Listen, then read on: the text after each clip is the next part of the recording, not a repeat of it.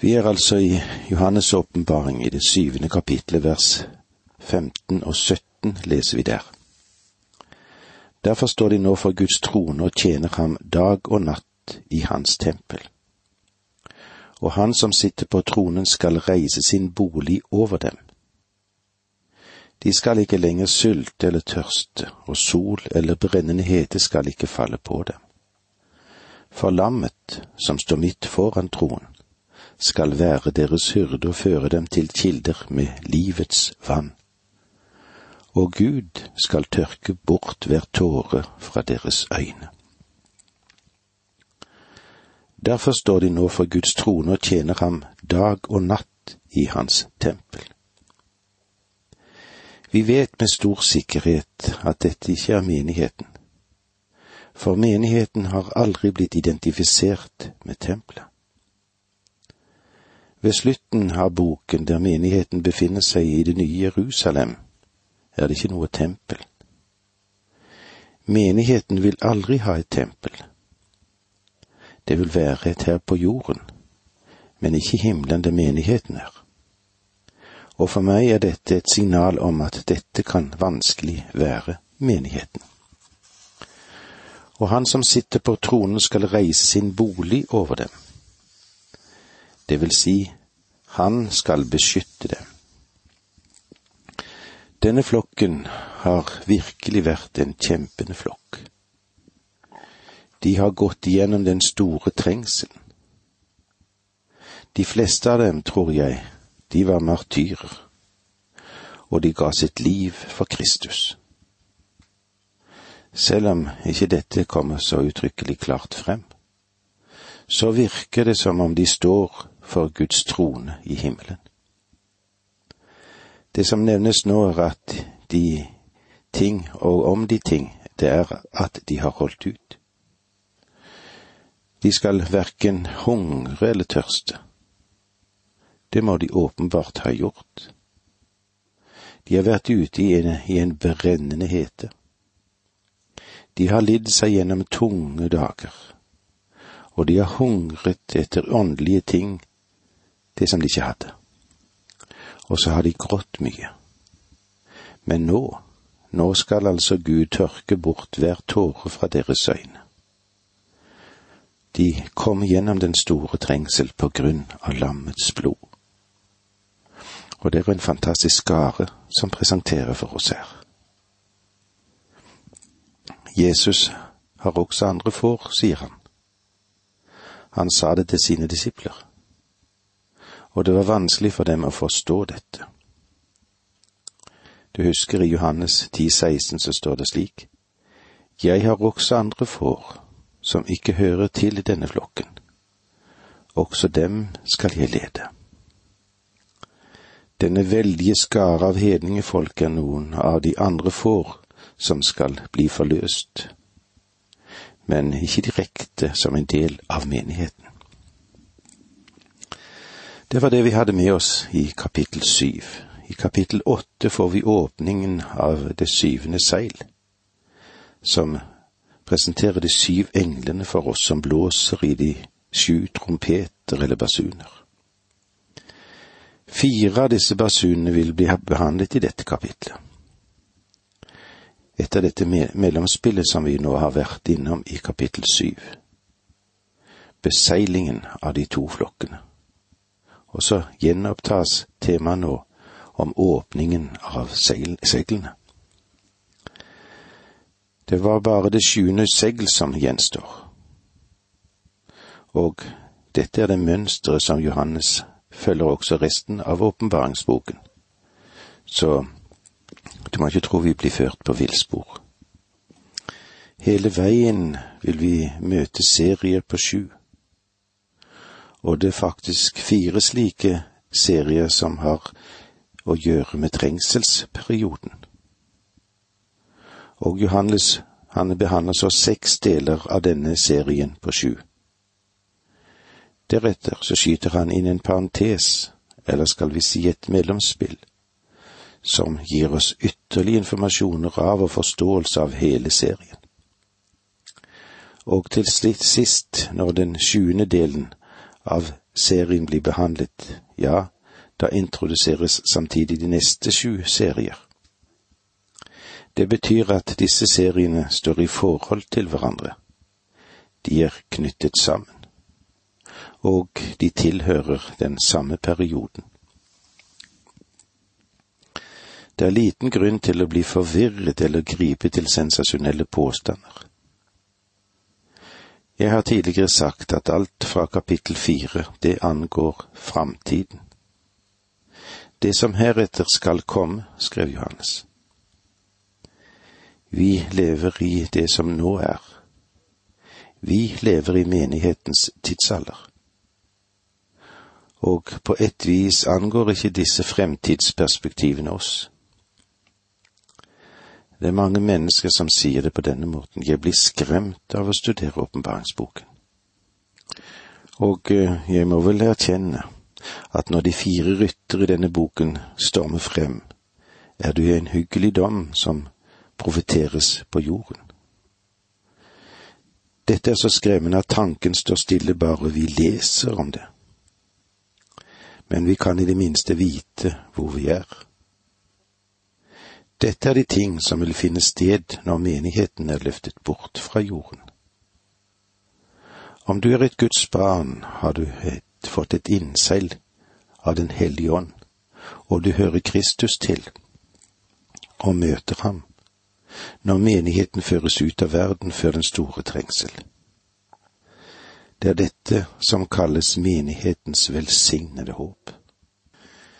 Disse sju basunene eller trompetene. De fører oss til det mest intense når det dreier seg om trengselsperioden.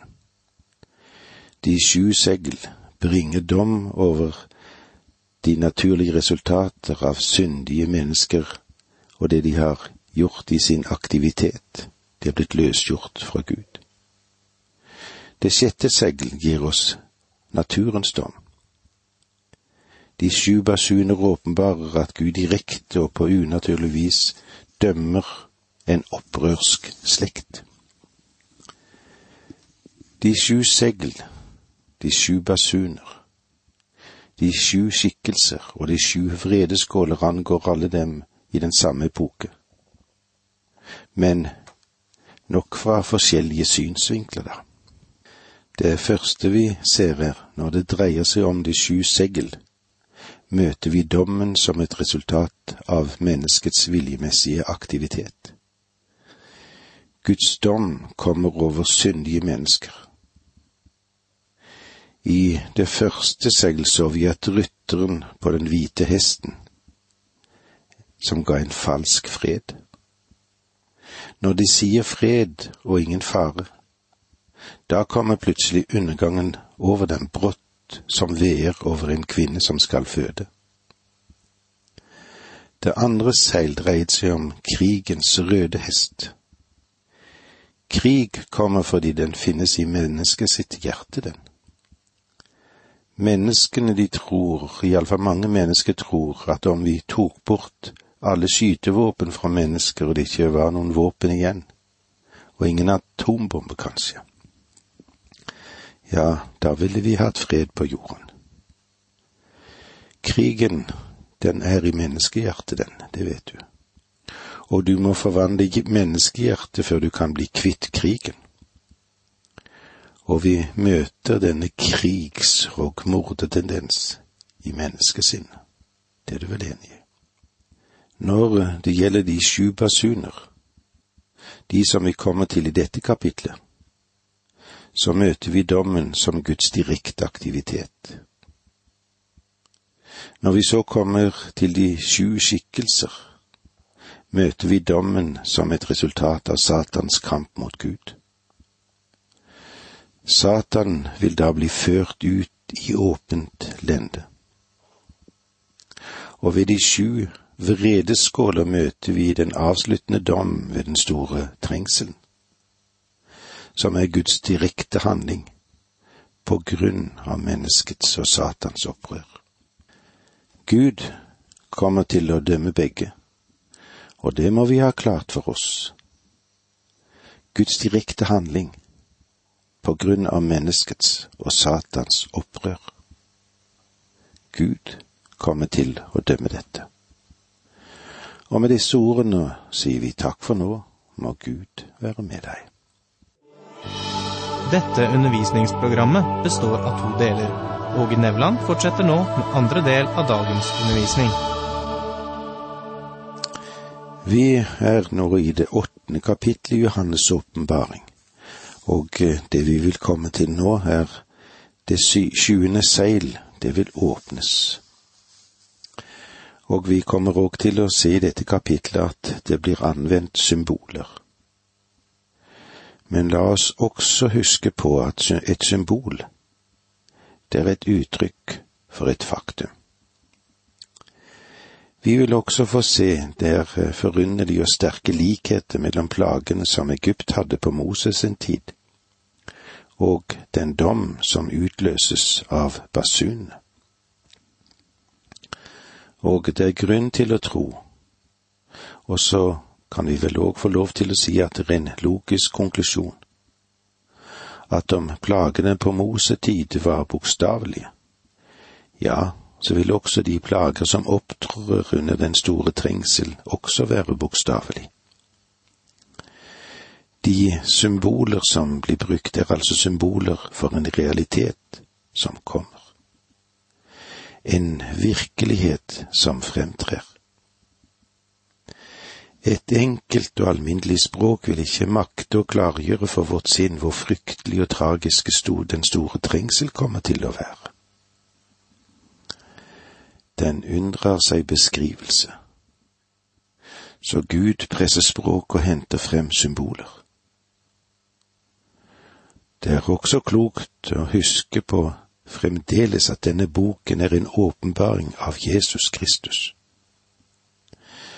Nå møter vi ham i en helt ny rolle, som dommer. De symbolene som blir brukt, er ikke dunkle, de er ikke utflytende symboler som kan tolkes bort eller gis noen merkelige meninger. Når symbolet symboler blir brukt, og de kommer til å bli brukt i denne boken, så får vi opplysninger som nøkkel for den betydningen som de har. Bibelen vil gi oss forklaringen, og da slipper du å være henvist til din egen fantasi.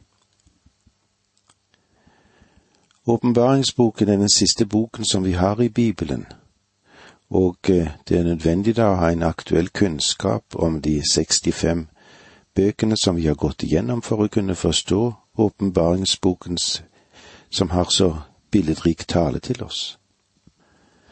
En kan av og til bli litt nummen og skremt når en opplever at nye kristne går løs på åpenbaringsboken med en freidighet med denne måten kanskje være som så forstå seg på mine som om de skulle ha skrevet denne boken selv. Og når vi behandler åpenbaringen i denne serie på flere tusen programmer i veien gjennom Bibelen, så tror jeg det gir oss en viss rett til å kunne undervise i åpenbaringsboken og det den sier til oss. Uten denne bakgrunnen ville jeg ikke ha våget å gjøre det. I pakt med Peters ord. Men dere må fremfor alt vite at en ikke kan tyde noe profetord i Skriften på egen hånd. Dette står i Jan Peter 1,20. Men dere må fremfor alt vite at en ikke kan tyde noe profetord i Skriften på egen hånd.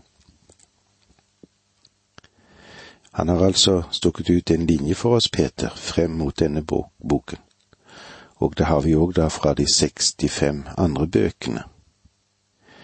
De symbolene vi får, vil til en viss grad bli beskrevet for oss. Men vi må ha det tindrende klart for oss at symbolene står for rystende realiteter. Åpningen av det sjuende seil introduserer for oss de sju basuner. Og det er slik hele boken er bygget opp.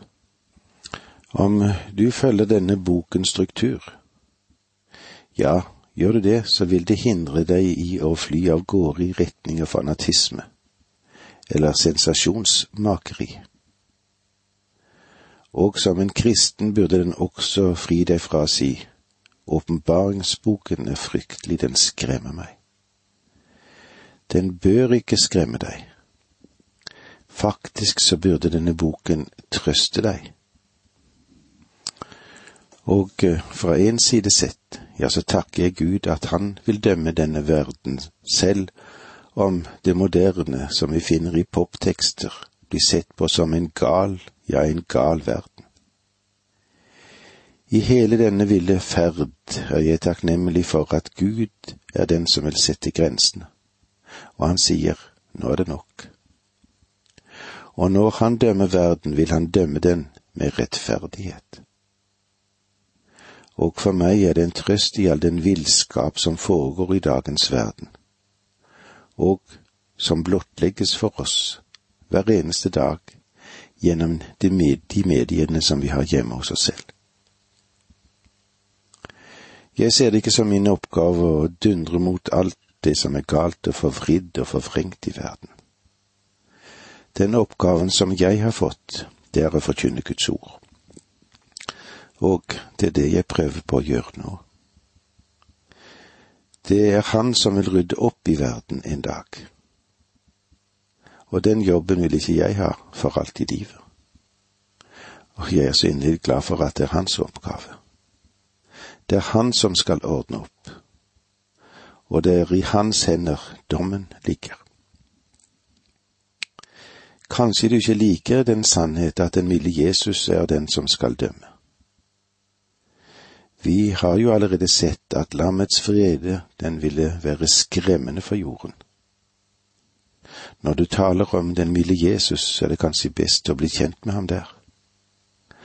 Han døde for deg. Han elsker deg. Jesus vil frelse deg.